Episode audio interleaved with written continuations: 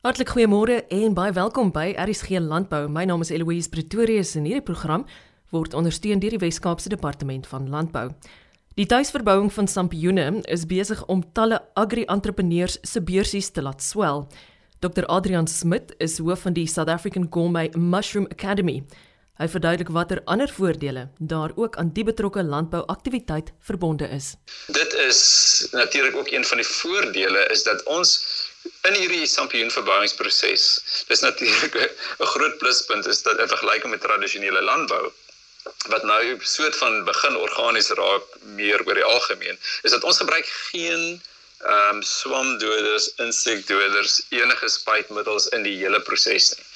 Dit is ons gebruik plantmateriaal, goeie kwaliteit plantmateriaal, ons het dit deur 'n stoomproses, ons het die inoculum by en ons oes dit.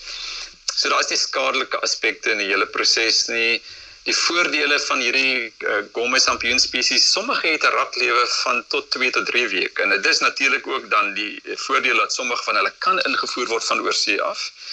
As 'n mens uh, byvoorbeeld die oestersampioene kweek, uh, die raklewe daar is omtrent 'n week. Dit beteken dit is daardie spesies is weer moeiliker om in te bring van oorsee.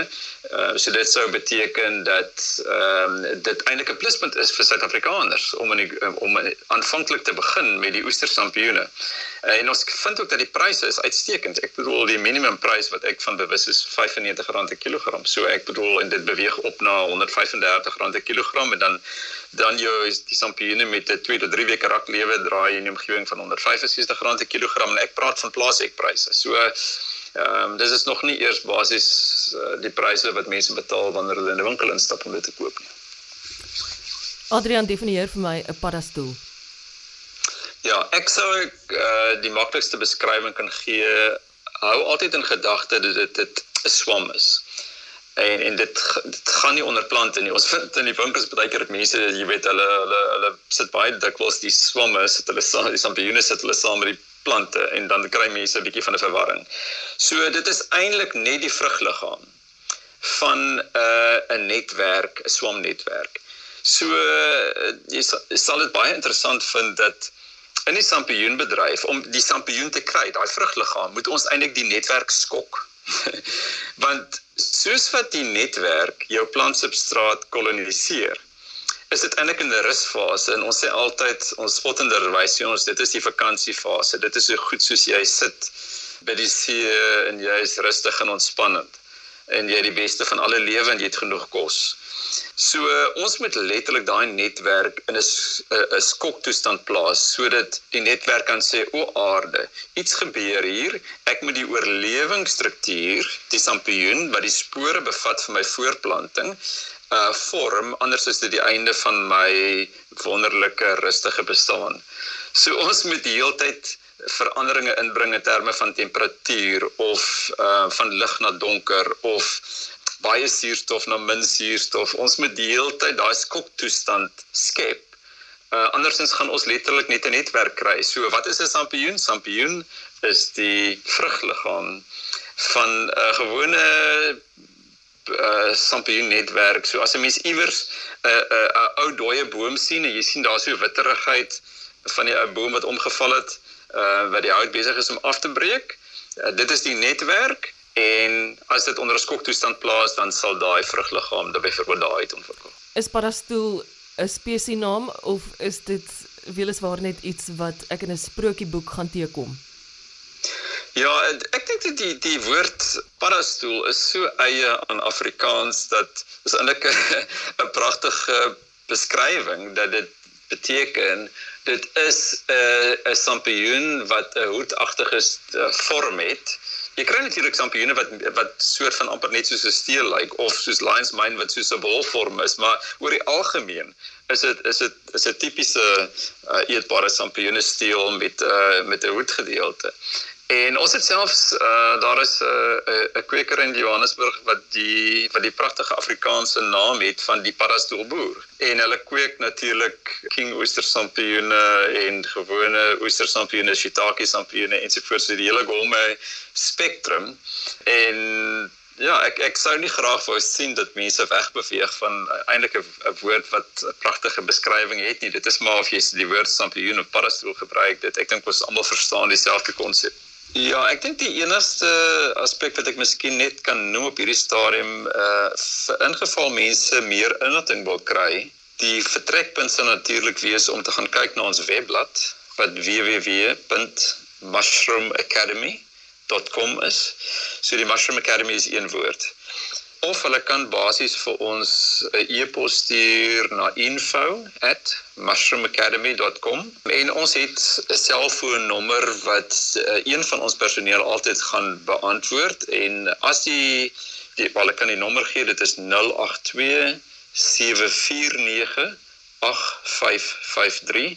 So as iemand nie die telefoon antwoord op daai stadium nie, dan beteken ons is almal betrokke by opleiding en dan vra ons net altyd dit mense vir ons 'n teksboodskap stuur sodat ons net kan ehm um, reageer. Maar ons ons reageer op alle navrae. Die enigste aspek wat ek net wil noem is dat Suid-Afrika, ek kry baie dikwels nog dat mense vir my sê dat hulle wil eintlik in die knoppie sampien bedryf ingaan. En my antwoord daar is gewoonlik om te sê dat mense moet gaan kyk na die internasionale tendens. En die internasionale tendens lê by die gourmet sampioenbedryf. Die groei in die gourmet sampioenbedryf is vinniger internasionaal as wat ons dit kry by die tradisionele knoppie sampioenbedryf ek vind ook dat die tradisionele knoppie sampioen bedryf as jy nie ten minste 10 miljoen rand het om in daai besigheid in te belê nie dan beteken dit ehm um, jy kan dit net sowel los. Waar die gourmet sampioen bedryf mes met absoluut feitelik weinig uh, uh finansiële ondersteuning kan begin. As jy ou geboue het iewers wat jy kan gebruik en jy kan aanvanklik jou inoculum aankoop en jy het plantsubstrate dan kan jy begin verbou teen minimale koste veral as jy mens begin met jou oesterreeks van sampioene. So ek ek dink net dat uh mense uh, ek sal graag wil hê dat mense die waarde sien van die gourmet sampioenbedryf. Dit is nog 'n nisbedryf wêreldwyd. Dit het letterlik maar omtrent ek wou sê die afgelope 20 25 jaar 'n goeie aftrap plek in die wêreld gekry. En in Suid-Afrika weet ons dat die gourmet reeks omtrent 7% van die van die van die sampioenmark uh, inneem. Nou dit, dit mag miskien nog min wees, maar ek bedoel as ons gaan kyk in 2001 toe ons ons eerste gourmet sampioen konferensie in Suid-Afrika gehad het, was dit 0% en ons het uh, letterlik in 'n 20 jaar tydperk het dit ons geneem om te kom by 'n punt waar ons 7% van die mark het. En ons vind dat dit net al hoe meer eksponensieel begin groei. En uh, ek dink ook die hele ondervinding wat ons almal het met COVID is dat mense baie meer bewus raak in terme van hulle eie gesondheid. En ek dink net wêreldwyd dat dit uh, eintlik 'n pluspunt vir die bedryf was. Ek vind dit jammer vir mense wat gelewer het aan aan restaurant groepe ensovoorts wat moes afskaal tydelik op daardie stadium, maar ek dink die hopelik is die is dinge beter gestruktureer in toekoms dat ons beter voorbereid is vir verdere epidemies wat kan kom. Dr Adrian Smit is hoof van die South African Gourmet Mushroom Academy. Doris Viljoen is direkteur vir die Instituut van Toekomsnavorsing aan die Universiteit Stellenbosch se Besigheidsskool.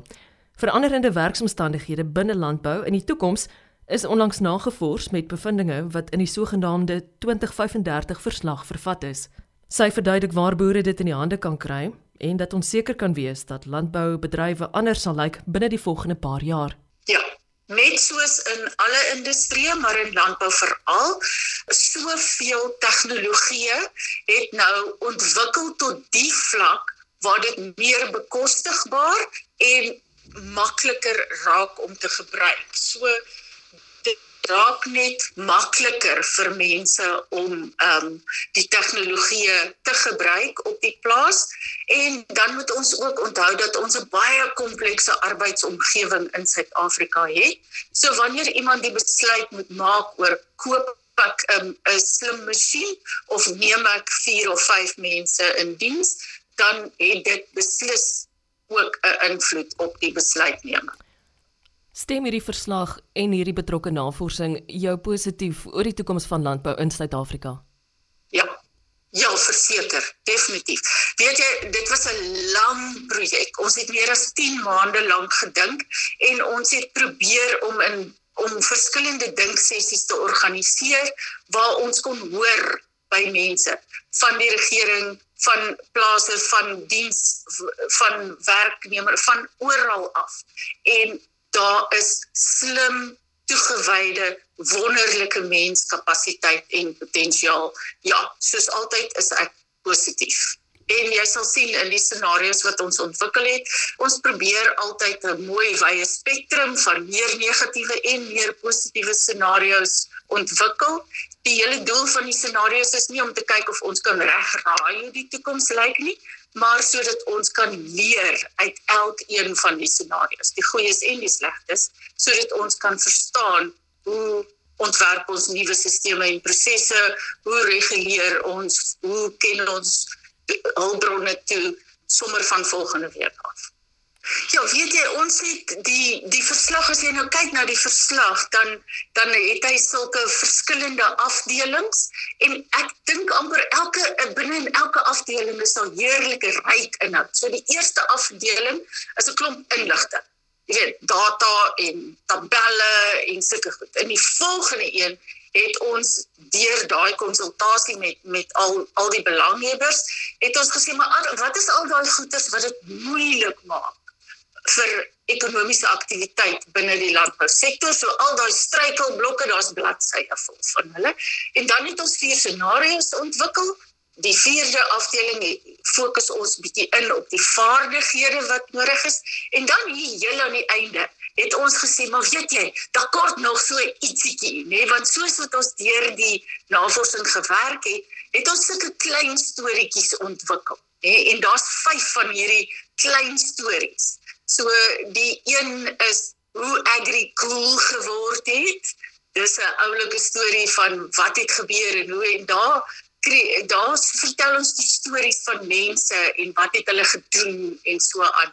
Uh daar's 'n ander een oor stedelike landbou wat sê urban farmers taking the lead is daai storieetjies se naam. So daar's vyf van hierdie kort storieetjies wat um net so half vir jou vat na 2035 toe voorstel aan 'n persoon wat dan nou in 2035 aktief is in die landbousektor op 'n baie positiewe manier. Waar kan boere hierdie verslag bekyk? Dit ja, hy is hy is by Agbus op hulle webwerf en hulle dit is by ons op ons webwerf so een op enige van van daai twee plekke kan hulle hom aflaai, maar Google is nou al so slim net omdat so baie mense hom afgelaai het al as jy in jou search bar intik Futures of Employment in Agriculture South Africa, boom, dan vat hy jou dadelik na daai les toe. Weet jy, ons kan nie nie dink oor alternatiewe toekomste nie. Ons moet heeltyd dink oor die toekoms en dan onsself leer en dink oor hoe gaan ons hierdie reg kry. So hierdie verslag is een ding. So self al is jy nie heeltemal in die landbousektor betrokke nie, lees hom in elk geval en kyk 'n bietjie en dink 'n bietjie van waar jy ook al betrokke is in enige ekonomiese aktiwiteit in Suid-Afrika. Um kyk of daar nie dalk van die goedjies is wat aan jou raak. Doris Viljoen is direkteur vir die Instituut van Toekomsnavorsing aan die Universiteit Stellenbosch se besigheidskool. Hierdie program is een wat jy kan hou as digitale aandenking Laai dit gerus af van www.elsenburg.com. Onthou ook om môre om kwart voor 12 weer by my aan te sluit vir nog 'n weergawe van RSG Landbou. Ek is Eloise Pretorius en ek wens jou alle sukses vir hierdie Vrydag wat voorlê. Totsiens.